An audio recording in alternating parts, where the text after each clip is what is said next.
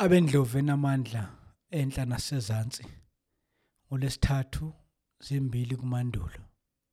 Ngineqiniso lokuqala isonto kade ufunda ulalela nezindaba kepha manje sekuyisikhathi sokuthi uthole ingqikithi.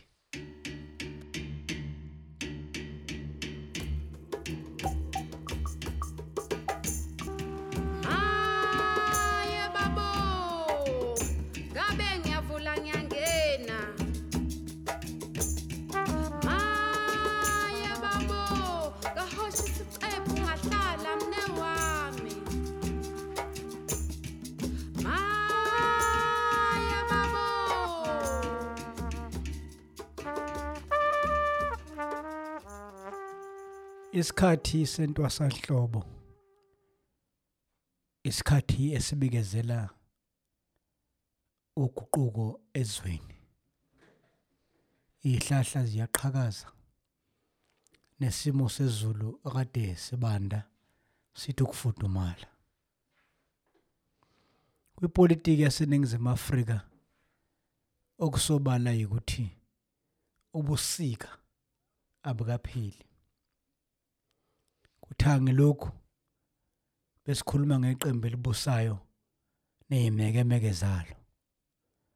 Kepha ngolunye uhlangothi iqembu elikhulu kulawa aphikisayo iDemocratic Alliance nayo ivumbukelwa utwayi okuwutwayi okade layiqala sabathe yalisebenza liyavumbuka.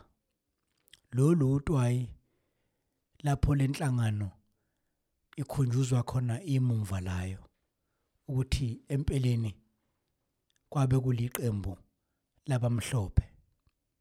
Namhla ke lokhu kuze kwagcwaliswa loyo bengumholi wayo umnumzane uJohn Moody okuthe kungazelele umuntu wayesesula kuleli qembu njengelungu kanjalo nangomholi.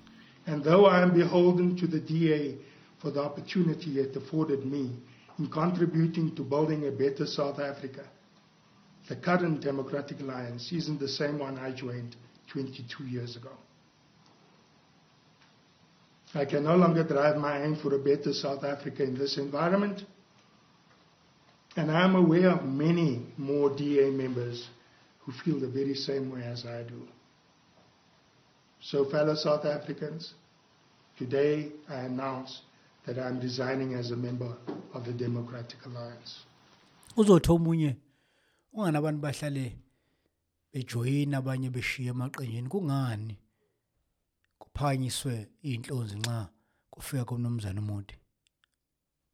Okokuqala lensizwa biyenye yabantu abathathu obekulindwe ukuthi bangenele isikhundla sokuba umholi waleli qembu emva kokushiya kwamnumzane uMusi Maimane.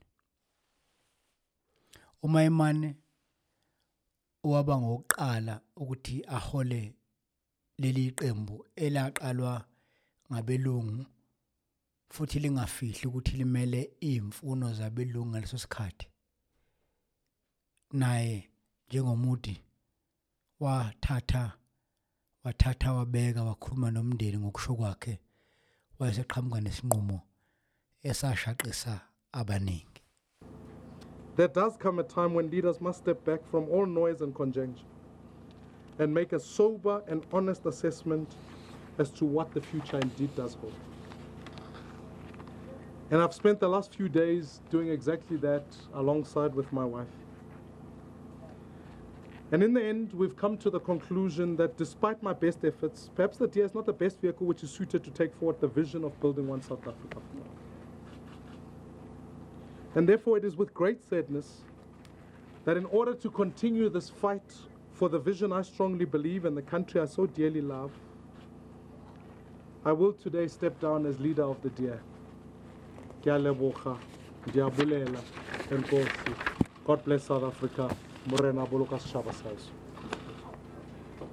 ukusula kwamnumzana uMaimane kwaletha izinkulu izinkinga kuleli qembu uzokhumbula ukuthi umholi owasula ngalendlela kwaba umnumzana uZak de Beer okwathi uma iqembu lingenzi kahle ngonyaka ka1994 wabona kumfanele ukuthi ayibeke ihlangu zakhe anika abanye ithuba.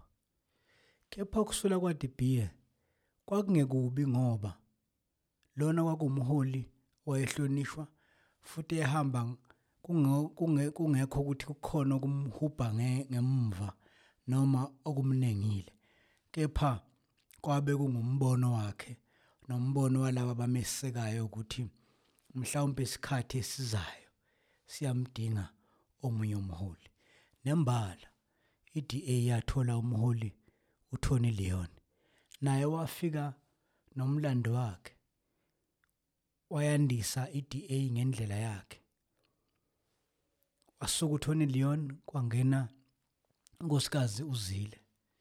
Naye futhi ngokuyibalo walikhulisa iqembu eParliament walikhulisa iqembu nasemkhandlweni yahlukene eningizimu Afrika. Khona ngisho ukukhuluma ukuthi wandisa isibalo sabohlanga kuleli qembu. Kepha nansi indaba lapha ikhona ukukhula kweDA kusuka kumnumzana uDibiya kuze kufika unkosikazi uZile kwaba nezinkinga phakathi. Okokuqala leli qembu lalakhelwe kakhulukazi abelungu abakhuluma isingisi nokhumbule ukuthi eSouth Africa ngaleso sikhathi abantu ababephethe ngabelungu abakhuluma isibhunu.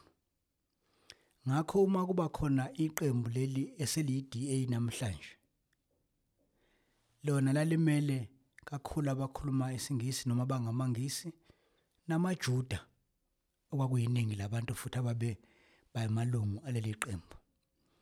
Kuthe uma sekusuke uDibiye kwangena uLeon kwangena unkosikazi uZile kwase kuba khona uqhekeko kubelungu. Abelungu laba abakhuluma isibhunu bayibona bengaseyona ingxenye yepolitiki yaseningizimu Afrika ngamafuphi kungasekho omele bona.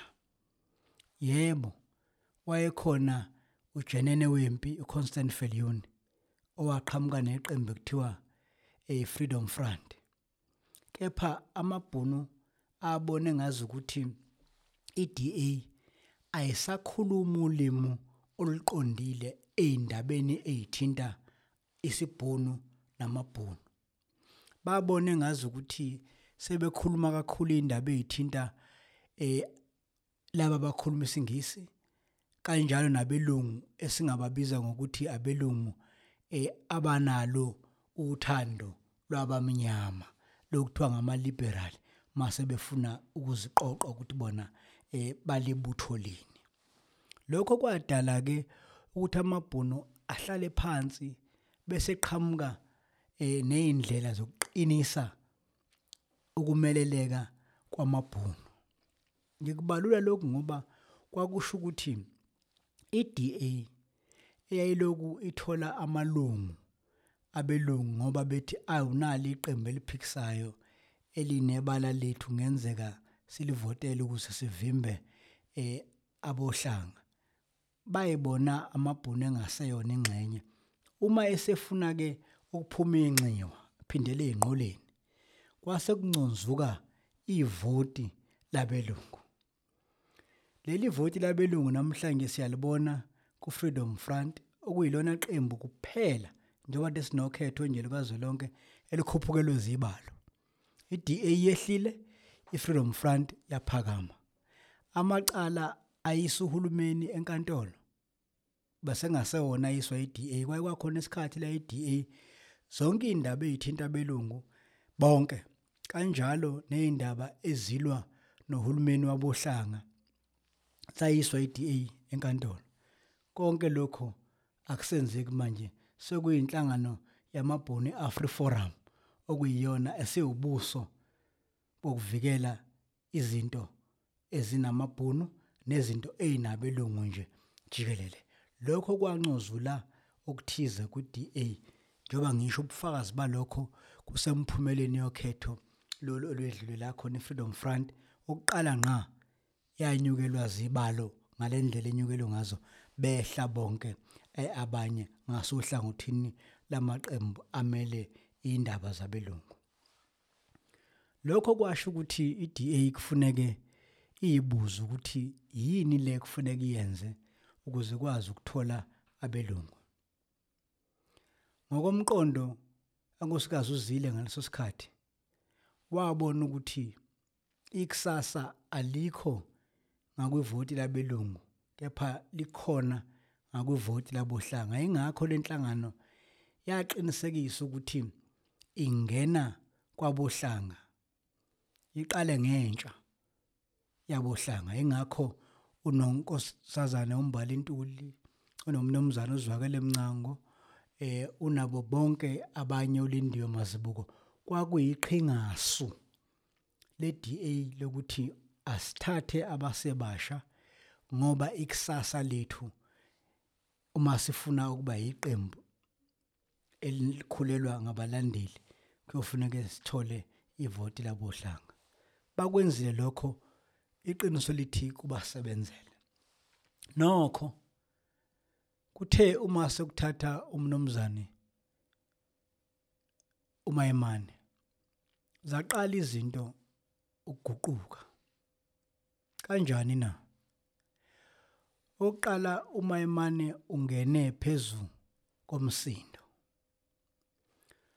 Kwabaningi abohlanga nengxenye ethize yabelungu ohlanga ongcono owayengayiphatha iDA wawunkosazana uMazibuko uLindiwe Mazibuko nokho ngoba okamazibuko wayebonakala ukuthi ngalesikhathi esephakama wayesebonakala esebamkhulu kunengqwele yakhe ngoba phela ingqwele kalindiwe mazibuko angayifihli kwaku nkosikazi uzile okuyena wamthatha wamfaka ekhwapheni wafudumala waphakama enhlakeni zeqembu.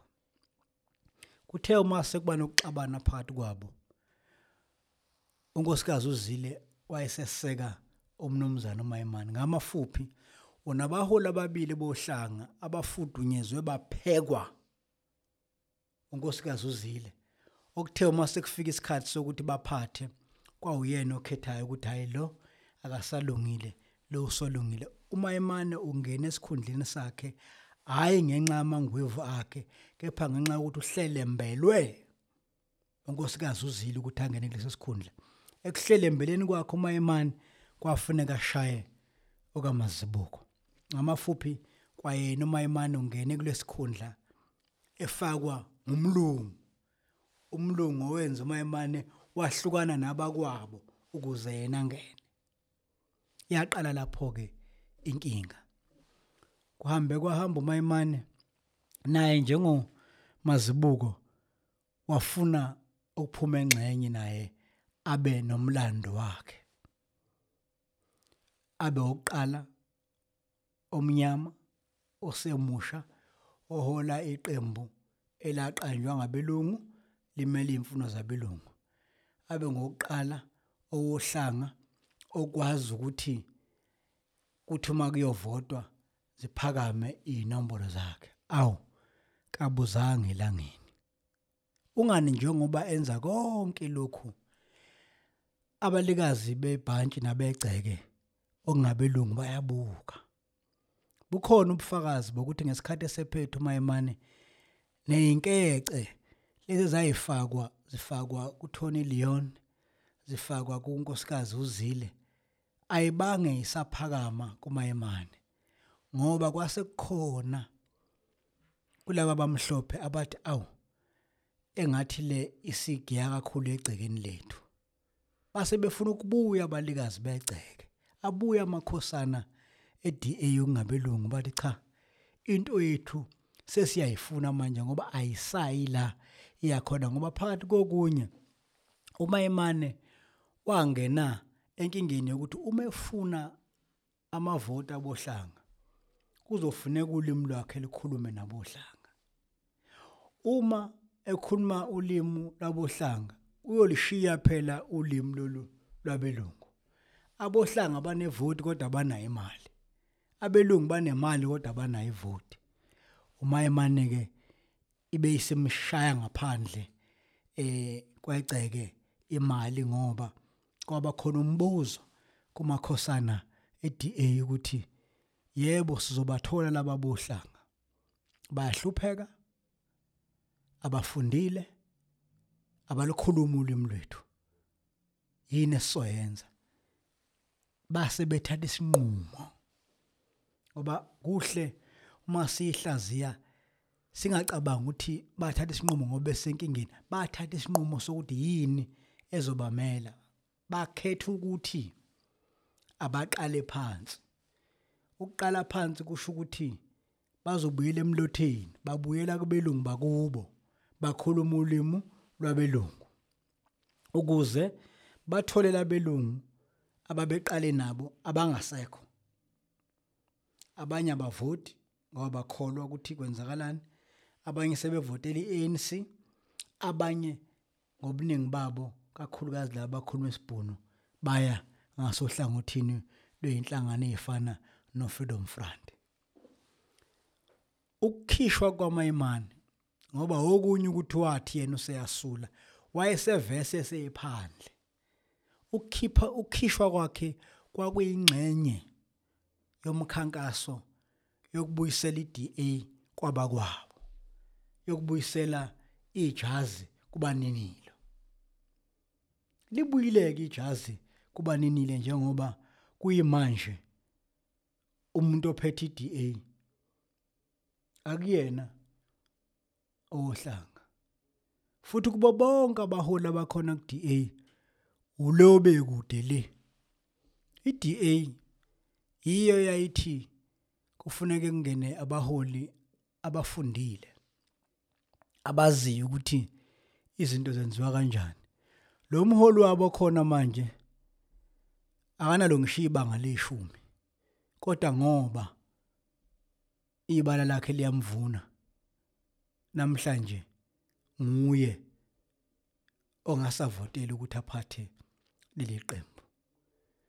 Mawungase nje uvala amehlo ucabanga ukuthi ukube lo mholo khona manje weDA umtshali ngesibongo. Akasiqedile isikole. Ngabe bathina belungu ngabe bathi asikwazi ukuphathwa umuntu ongafundile? Kodwa ngoba akafundile nje ungowakwabo babona ukuthi hayi abayembambathe le ndaba. Siyadlula lapho. Okunye okwenza iDA ibe senkingeni ukuthi ifike esikhathini la khona sekukhona amanye amaqembu abohlanga avukayo. Nokuyiwona akhuluma ngqo nabohlanga. Ekuqaleni ngithe ngesikhathi sikankosikazi uzile baqhamuka neqhingasu lokuthi badoba bohlanga bakhuluma nje bagxamalazile. Ekuseni bakhuluma ezwakala kangcono kulaba bohlanga ntambama sibanoju ngabelungu. Kuthe uma sekuvuka iqembu nje likaMalema leyitoyitoyi ezibovu lathi nje cha lona lihlangene namlungu nangisi nabhunu lukhuluma nabohlanga. Lokho nje kukodwa kwalimaza iqhingaso leDA ngoba iDA yayithi yona ezothola ingqweqwe zabohlanga. Umaziwa lapha kukhongolose kodwa ukungena kwa be-economic freedom fighters kwasho ukuthi abohlanga uma bengayifuni i-ANC bangaya ku-EFF i-DA isiwumcabango wesine ngoba uma bengayifuni i-ANC bengayifuni i-EFF bangaya naku-IFP kwalimala ke lokho okushiwo i-DA noma ukufiswa i-DA kodwa okubashaya kakhulu manje ukuthi kubona laba akade beku-DA bohlanga sebephuma amanxiwa okungenzeka ukuthi abalimaze. Isibonelo ngonyaka wedlule loyo obeyimeya yasegoli umnumzana uMashaba naye njengomuti naye njengomayimane wayidabula incwadi yediphu I've given this decision considerable thought, and I've been tortured by the circumstances that have had to uh, led me to this moment. It is not in my nature to quit anything in life. I succeeded under the darkest days of our country's history when I was told that I could not be a businessman. However, I cannot be a willing participant in good conscience in a process that is placing the narrow internal interest of a political party ahead of the needs of the 5 million residents of our city, of the city of Johannesburg. It is for this reason that I've called this press conference today to announce my resignation from the DA uh, Democratic Alliance effective 27th November 2019.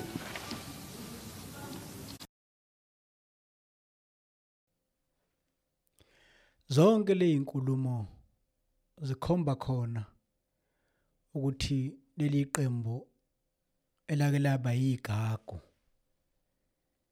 lakhomba abanye lasola abanye namhla umuntu okhomba lona.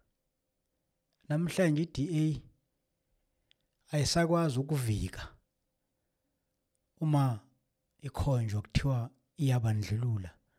Kuthiwa imele abelungu kuphela ngoba akusasho amanye amaqembu ayimbangi. Kepha sekufakaza amadodana namadodakazi ayo iDA ngokungcola okuyona. Ngeke isaphinde iDA ithi yona imsulwa yona inawo amatulo ngaphakathi okhipha abanye abaholi yona ayibandlululi noma yona yamukela yonke imiqondo ephikisanayo uma ungangikholwa zwana ukuthi enye yamadodana ayo umuntu utheni namhlanje ngesikhathi edabula incwadi yediphu This tactic isn't foreign or unknown in the DA. Presently, the disciplinary process is being used to neutralize those who supported Musi and, Musi and Athol. No less than six provincial leaders are facing multiple disciplinary charges. In total, nine of, nine of the members of the 25 member federal executive are facing disciplinary charges. Personally, I have been a victim of such underhanded disparaging tactics at every provincial congress I contested, barring the first one. Vague allegations of impropriety was leaked to a newspaper with the objective of casting doubt upon the character and honesty of the first black federal leader of the Democratic Alliance.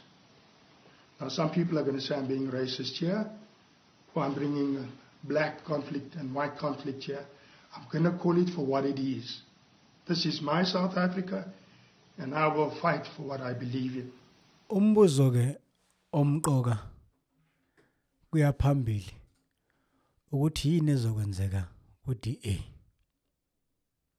ngabe ingwe ingawaguqula inamabalayo ngabe ukubuza kwenyoka kusho ukuthi akuseyona yini inyoka? Bakhona abanye abathi sekuphelile nge-DA abathi abohlanga kulenhlangano bazoqhela. Kodwa ngolunye uhlangothi bakhona abafana nonkosazane ontuli abasenethemba lokuthi yize kunale inkinga sikhona isixazululo bathi isixazululo ibo I think that we are in a space in our country and in the DA where we need a different way of doing politics. I think the time is ripe to have new energy um, and somebody who can embody the values of kindness and fairness and strength. I think that what I bring to the table is 12 years of being in the DA. I've built structures in this party at university levels, when I was a councillor, uh, in townships, in rural areas where the DA had never existed before, as well as having run the campaigns for the entire province. And really, in all of those things, have brought immense uh, results for the party. But more than that, I'm a South African who understands the realities of what it means to have family members who are still shackled by the oppression of apartheid and where it left them, but has also been fortunate enough to have some opportunities. And I think the DA needs somebody who can speak to all the different types of people in South Africa with authenticity and sincerity because there's no way they're going to believe that we're a party that cares for them and will fight for them if they don't believe the leader.